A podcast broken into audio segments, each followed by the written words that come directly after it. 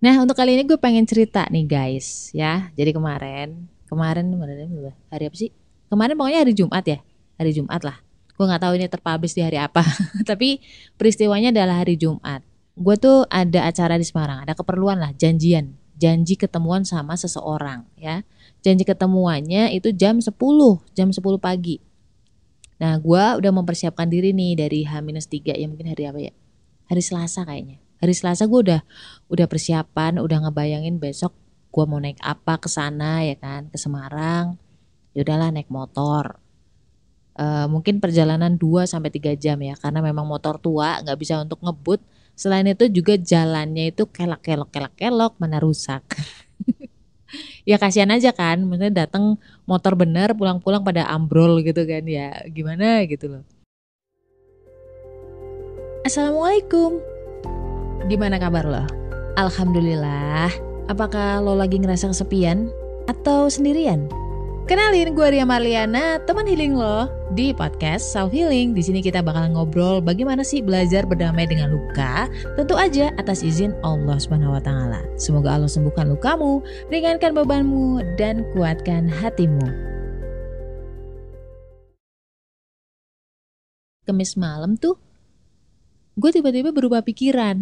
Kayaknya males ya naik motor. kok kaki malah pegel-pegel? Belum juga naik motor ya udah pegel-pegel gitu. Dan akhirnya gue memutuskan untuk ya adalah naik mobil aja. Mobil tua sih mobil tua tapi ya masih bisa. Akhirnya gue minta tolong lah sama suami gue buat nganterin. Singkat cerita gue sepakat sama suami gue berangkat jam 7 jam 7 pagi nih. Dia sempat nanya nih kok pagi banget sih?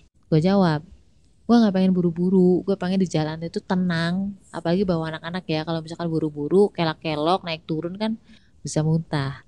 Ya dua jam perjalanan tuh kami tuh masuk ke area Semarang ya. Boleh masuk ke wilayah Semarang. Nah ini nih suami gue tuh suka kadang-kadang terlalu kreatif gitu. Dia malah ngambil jalur yang tidak biasanya diambil gitu. Dia ngambil jalur lain bahkan dia tidak mau nurutin jalan yang direkomendasiin oleh temennya karena dia pikir kan gini, itu kan masih jam sembilanan ya. Jam sembilanan masuk Semarang berarti harusnya asumsinya dia itu tuh lalu lintas tuh lancar. Nah, Kodarullah nih tinggal 13 km lagi menuju sasaran. Macet cuy. Jadi waktu itu gue inget banget di depan kantor Kementerian Agama ya itu ya ampun maju semeter berhenti lama ternyata tuh banyak orang lagi nganterin jemaah haji. Apa ya dibilangnya? Merayap juga enggak gitu. Mending merayap gitu. Itu bener-bener yang kayak maju berhenti maju berhenti. Mundur gak bisa maju gak bisa ya kan? Dilihat di Google Map merah semua gitu kan. Masya Allah. Cuman waktu itu gue masih santai gitu ya. Terlalu santai bahkan positive thinkingnya gini ah bisalah masih 30 menit gitu maksudnya. Jadi orang-orang yang optimis itu bilangnya adalah masih 30 menit lagi gitu. Sedangkan orang-orang yang wataknya pesimis mudah khawatir itu biasanya kata-katanya gini ih tinggal 30 menit lagi nih gitu. Nah gue tuh orang yang optimis. Jadi gue bilangnya adalah oh masih 30 menit bisa lah bisa lah gitu. Kenapa gue bilang kayak gitu? Karena di Google Map itu estimasi waktunya masih 20 menitan. Jadi masih ada 10 menit tersisa lah ya kalau sampai sana. Nah, tapi eh tapi ya, itu karena macet-cet gitu kan. Estimasi waktu yang awalnya 20 menit tuh bisa molor jadi 27 menit. Terus gua tunggu nih ya, eh kok nambah terus jadi 32. Aduh, ini mau sampai kapan ya kan? Tiba-tiba suami gue nanya, "Gimana, mah?" jadi kayak ditampol, kayak kebangun dari pikiranku sendiri gitu ya. Terus tiba-tiba gue bilang gini ya udah deh aku naik grab aja ya gitu kan. Aduh harus install dulu nih di daerah gue tuh belum ada grab belum ada gojek gitu loh. Misal pun ada pun itu di kecamatan sebelah mangkalnya. Jadi nggak akan kecatet eh kecatet. Nggak akan kena di aplikasi gue di rumah gue di gunung itu. Jadi ya udahlah gue install dulu deh. Udah install udah login ya ampun udah pakai verifikasi dulu kan, pakai verifikasi nomor OTP di WhatsApp. Ah, ribet banget. Waktunya tuh tinggal 27 menit. Gimana? udah panik gitu loh. pakai ada opsi aktivasi OVO. Nggak tahu apa lagi buru-buru nih. Di tengah kepanikan kayak gitu, gue biasanya tuh salawat eh salawat Allahumma sholli ala Muhammad wa ala Muhammad. Seriusan. Karena logikanya tuh udah nggak kekejar waktunya. Di saat itu aja nih, di saat itu nih, itu tuh estimasi gua sampai sana itu jam 10 lewat 10 menit. Gua dari dulu tuh dipaksa sama bos gua dididik untuk datang 15 menit sebelum waktu janjian. Ya. Dan ini risikonya telat 10 menit, oh my god dan masih bisa lebih telat lagi. Dah lah, skip OVO, gua langsung order Grab bike. Masih harus nunggu motornya datang kurang lebih 7 menit. ah, terus akhirnya gini, ya udahlah aku WA dulu sama si ibunya gitu kan. Karena gue janjian ketemuan sama ibu ibu-ibu gitu kan. Biarpun telat minimal gue punya manner lah.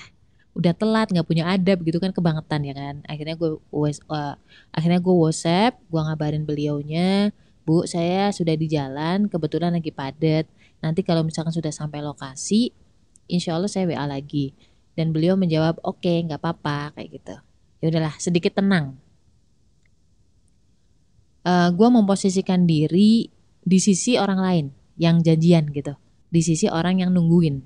Minimal ketika gue ngabarin mereka lebih merasa dihargai lah. Alah mbak ngeles aja. Bilang aja biar nggak kelihatan salah-salah amat. Ya kayak gitu juga sih Deng deng deng datanglah si driver Grab. Alhamdulillah lebih cepat dari 7 menit. Drivernya nanya sama gue buru-buru ya mbak? Mungkin dia ngeliat muka gue kali ya. Apa emang muka gue tuh muka buru-buru gitu? Gue jawab gini lumayan mas. Ngepres banget nih waktunya gitu. Lokasinya mana mbak? Hotel ini di simpang 5 oh yang di sebelah kanan jalan itu ya? Aduh mas. Saya juga nggak tahu mas. Gue nggak hafal gitu. Aduh masnya kayaknya juga masih meraba-raba jalan. Udahlah ini kayaknya telat nih secara logika. Itu telat. Udah pasrah deh gue sholawat. Bilang ya Allah semoga bisa tepat waktu tapi apa pun hasilnya nanti ya udah berarti itu yang terbaik. Gue cukup salut juga sama si mas drivernya. Dia bisa ambil jalan sweet sweet sweet sweet gitu ya. Walaupun kan agak-agak ngeri-ngeri sedap gimana gitu ya. Gue biasa naik motor tuh yang safe. Dia sweet ke kanan switch ke kiri zigzag zigzag agak senam jantung juga ya tapi ya alhamdulillah gue melihat dia itu kayak beberapa kali dia ngambil jalan di luar rekomendasi Google dan ternyata memang jatuhnya lebih cepat. Terus oh berarti dia udah tahu nih tempatnya. Tenanglah gue. Nggak meraba-raba banget lah. dan eng eng eng jam 9.58 persis gue sampai di depan lokasi. Setelah bayar ongkos Grab, gue WA si ibu. Dan alhamdulillah send uh, send message-nya itu jam 9 lebih 59. Jadi jam 10 kurang satu menit. Ya minimal ada bukti kalau gue bisa memenuhi janji. Dengan izin Allah ya tentunya. Nah menurut lo nih kira-kira pelajaran apa yang bisa diambil dari kisah yang gue ceritain tadi? Mm -hmm. Oke, okay, tentang sholawat bisa menenangkan. Oke, okay, betul. Tapi ada yang lain? Positive thinking, oke, okay, husnuzon, optimis, berserah setelah berusaha sebaik mungkin gitu ya. Itu bagus juga. Cuman ada hal yang paling basic yang harus kita tahu. Bagaimana cara gua untuk coping masalah atau sesuatu yang menurut gua tuh kerugian. Ya kan? Kalau kita berpikir bahwa ih, hampir aja telat ya kan. Terus malah kebuang uang buat bayar ojek, belum lagi macetnya dan kawan-kawan kurang perhitungan. Kita bisa melihat segala sesuatu itu dari sisi negatif atau dari sisi positif. Itu terserah loh. Tapi gue percaya dari salah satu hadis Nabi, setiap urusannya orang mukmin itu baik. Ketika terdapat sesuatu yang kurang nyaman, dia akan bersabar. Dan ketika mendapatkan nikmat, mereka akan berterima kasih atau bersyukur. Nah, kita belajar yuk sama-sama gimana caranya melihat sesuatu dari sudut pandang yang positif. Sempat kepikiran nggak? Kalau itu cara Allah mengantarkan rezeki kepada si driver ojol tadi. Nah lo, ya kan? Kadang kita tuh terlalu sibuk, terlalu fokus terhadap nikmat dan musibahnya diri kita, sampai kita tuh lupa melihat dari sudut pandang orang lain. Bayangin nih, malam sebelum gue berangkat ke Semarang, tiba-tiba berubah pikiran. Yang awalnya naik motor, jadi naik mobil. Bayangin kalau gue tetap naik motor. Yang ngapain kan gue pesen Grab? Lalu, kenapa juga Pak suami nih merubah rute? Yang secara nggak sadarnya dia itu mengarah ke kemacetan ya kan? Kita kan awalnya berpikir bahwa aduh malah kena macet, ngomel-ngomel, uring-uringan, tapi ternyata itu tuh cara Allah agar gua tuh turun dari mobil terus order Grab. Terus mikir lagi, kenapa nggak Gojek? Kenapa nggak Maxim coba? Kalau misalkan mau dirunut lagi, kenapa gua memilih untuk berangkat jam 7 pagi? Biasanya suami gue tuh mepet, dia pasti nganterinnya mepet 2 jam perjalanan doang. Bisa jadi dia nyuruh gue tuh berangkat dari jam 8 aja. Tapi gue kekeh tetap berangkat jam 7. Kalau gue berangkat jam 8, akan beda cerita kan. Mungkin macetnya masih sangat jauh dari tempat si driver itu mengkal. Tahu nggak siapa yang menggerakkan itu semua? Menggerakkan hati gue, menggerakkan hati suami gue, menggerakkan hati orang-orang yang pada datang ke kemacetan itu juga, yang menggerakkan hati si driver ojol biar mangkal di dekat kemacetan itu. Siapa coba kalau bukan Allah? Begitulah cara Allah mengirimkan rizkinya kepada para manusia, kepada hamba-hambanya. Gue gak cuma sekali mengalami ketidaknyamanan, lu mungkin pernah dengar juga di episode Ajari Gua Sabar, salah, Ajari Aku Sabar di bawah. Kurang lebih sama, cuman penjual nasi goreng waktu itu. Awalnya udah uring-uringan, ya Allah kenapa sih, kenapa sih harus begini, gitu. Kayak nggak sesuai rencana, nggak sesuai mau kita. Tapi endingnya itu adalah kebaikan. Bukan cuma kebaikan untuk orang lain. Tapi endingnya ketika kita bisa bersabar, kita bisa berpositif thinking, husnudon, bilang Alhamdulillah, endingnya pasti akan dikasih kebaikan buat kita bukan hanya dimensi akhirat, maksudnya pahalanya kita untuk ikhlas, kita juga menjadi kurir rezekinya bagi orang lain, tapi juga dimensi dunianya nanti kita dapat. Karena menurut karena di salah satu hadis jatah dunia itu itu udah tercatat lu mau jengking mau apa pun jengking lu mau jungkir balik mau kayang kalau memang jatah rezeki kamu itu 10 juta 10 juta kalau memang jatah rezeki kamu satu miliar, dilalah nih kamu lahir langsung jadi anaknya konglomerat. Eh salah, konglomerat. Eh, konglomerat coba. Kan dia nggak kerja nggak apa, tahu-tahu uh, uang sakunya setiap bulan itu satu miliar. Allah kasih jatah dunia itu sudah ada. Cuman kadang kita khawatir terus uring-uringan, worry, akhirnya kita nerabas atau menerobos larangan-larangan Allah. Padahal endingnya tuh sama contoh kasus lah misalkan gue tuh udah ada jatah rizki 10 juta nih misalkan ya amin gue bekerja di tempat yang haram secara logika mungkin gue dapat 20 juta tapi yang gue nikmatin 10 juta tetap 10 juta karena apa yang 10 juta mungkin ada faktor pengurang dari sisi gue sakit bilang atau ada musibah apa gitu loh yang menyebabkan uang-uang itu keluar tanpa ada manfaatnya Begitupun sebaliknya ketika gue memilih untuk di jalan yang benar walaupun terlihatnya sederhana, terlihat yang terlihatnya gajinya tuh kecil. Contohnya gue kerja di suatu tempat di pegunungan gajinya cuma 5 juta, ya kan?